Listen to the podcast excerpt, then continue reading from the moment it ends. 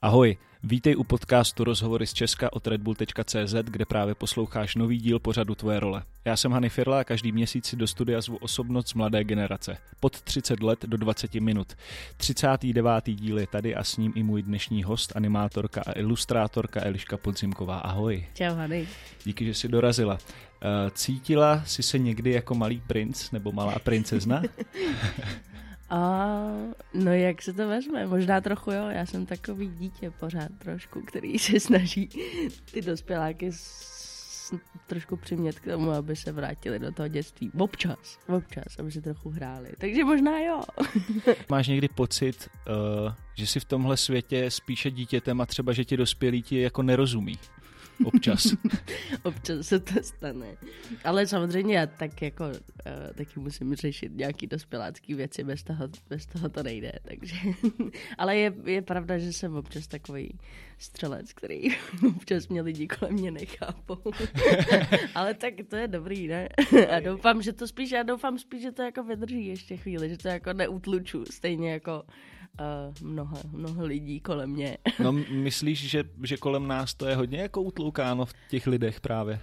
Je a bohužel si myslím, že to utlouká škola, což je trošku paradox. Já myslím si, že by měla dělat úplný opak, ale, ale bohužel si myslím, že to dělá. A ty, jak tu kreativitu, já třeba věřím, že každý z nás umí kreslit, nebo umí být kreativní, nebo umí dělat hudbu, protože prostě to je nějaká jakoby lidská vlastnost, kterou když člověk trénuje, tak asi, asi nějakým způsobem umí, jasně někdo má větší talent na to, ale myslím si, že každý z nás třeba když chce, tak, tak může kreslit a akorát se to v nás prostě zabíjí pořád. Já jenom přemýšlím, kdyby se spodívala jako na moje kresby toho třeba, jak kreslím zvířátka, jestli bych byl jako vůbec nějaký typ člověka, který se v tom dá posunout, ale asi je to předpokládám jenom o to zabil. Takže já už jsem hotový, jako. Nevím, neviděla jsem to, třeba ne. Dobře. A, Nechci soudit. a ještě co se týče konkrétně tebe a toho dítěte uvnitř te, tebe samotné, tak uh, máš pocit jako třeba na škále od 0 do 100, jako kolik tam ještě toho děťátka? Až takhle, až takhle. Ty to nevím, to se, ne, to se neodvážím typnout. Ale jeho hodně prostě. Jak kdy, záleží. Třeba některý den je to na 80, některý na 10, když řeším daně, víc, třeba to tam yes, toho dítěte, dítěte moc nezbyde, ale tak. Jo, to chápu. ne, jak kdy jméno vlastně uh, hodně rezonovalo právě s, uh, s interaktivní výstavou Malý princ, která probíhala přímo tady ve vnitrobloku. Mohla by si popsat pro ty, kteří výstavu například neviděli nebo ji nezažili, jak vlastně tento uh, projekt celý vznikal? Jasně, ale ještě mají šanci zažít určitě. Teďka budeme se přesouvat do Plzně v Dubnu, kde to bude teda asi jako jedna z mála v takhle v plný palbě, jako to bylo tady ve vnitrobloku, se vším všudy. Možná tam i uděláme nějaký změny. A pak budou další města řešíme. Ale v Plzeň je jistá. Je to 17. dubna a, a je vernisáž a pak to tam bude určitě měsíc. Ty ne, bereš otázky, jako.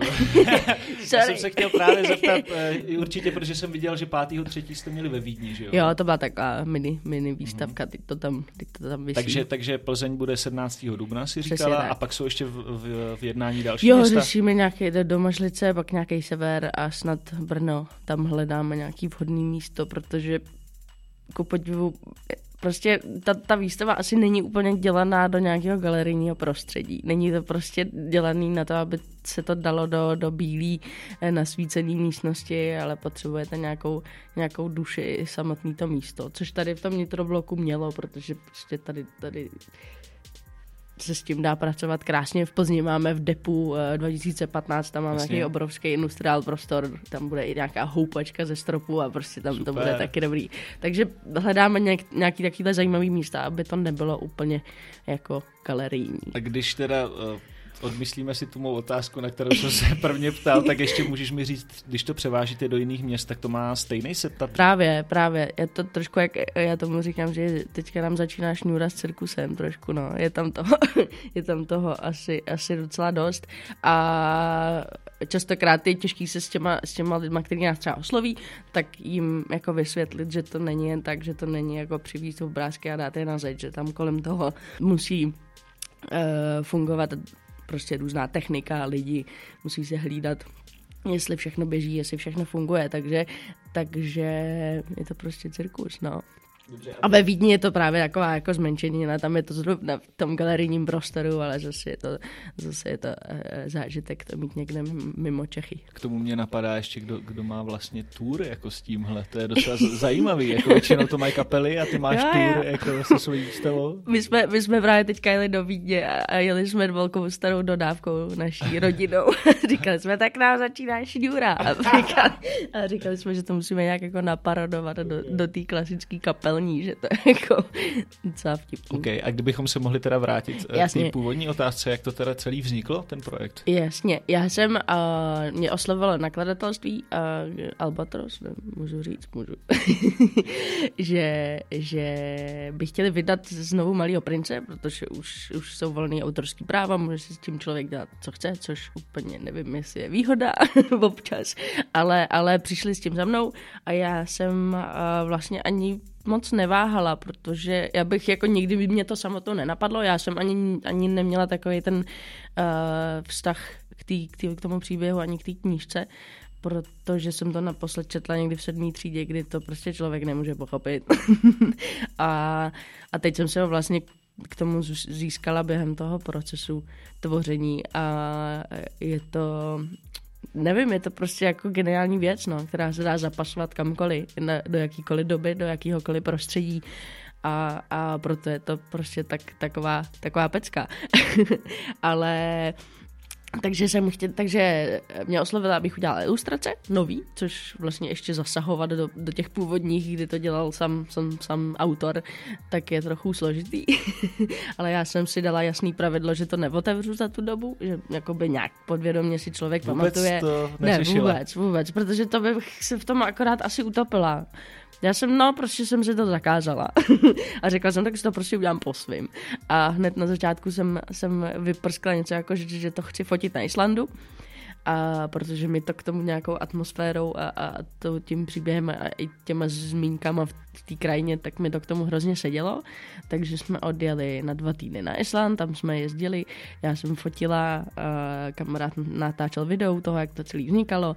A pak jsem přijela domů a začala jsem se těma fotkama prodírat a začala jsem si tam vlastně, ať už teda na tom Islandu hledat ty situace z té knížky, anebo potom až, až doma a, a mm, bylo zábavný, jak to prostě tam hrozně jako sedělo na ten Island. Takže to dopadlo hezky. To jsem teda odevzdala a já už jsem předtím věděla, že bych to chtěla spojit s, s výstavou, protože jsem přišla na, na takovou aplikaci, která se jmenuje Artivive, právě z Vídně, tak, uh, která vlastně všechny ty obrázky ti umožní jakoby rozpohybovat přes rozšířenou realitu v, uh, přes telefon nebo tablet nebo cokoliv. A já jsem říkala, že to chci zkusit, že to zní jako dobrý sociální experiment tady na, na Čechy, který, kde se to ještě moc jako neaplikovalo. Jasně všichni víme, že něco takového existuje, ale nemyslím si, že to úplně do jistý míry někdo použil v nějakém umění nebo knížce nebo čemkoliv. Takže jsem říká, hej, to by mohlo být jako fajn, takže k tomu udělám výstavu. A, no, a pak to vlastně, toho se ani moc Albatros nezúčastňoval, já jsem jim to jenom oznámila a oni, jo, v pohodě, jasně. A pak, pak to tady vybuchlo celý. ty, ty zase na mě hodili očko na baru tady, když jsem přišla. no jo, no, oni to nestíhali, chlapci trochu nekali, ale v pohodě. Jo, celý tenhle dvouměsíční cyklus výstavy vidělo kolem 13 tisíc lidí a očekávali si takovýhle číslo? Ne, vůbec ne. Vůbec ne. Já jsem říkala, že budu ráda, když někdo přijde. A nakonec to byla fakt šílenost. Ale bylo to krásný. Hezký. Vím, že je to asi hodně jako hudba vzdálený budoucnosti, nicméně mě napadlo, jako plánuješ další nějaký takovýhle výstavy? Asi budu muset.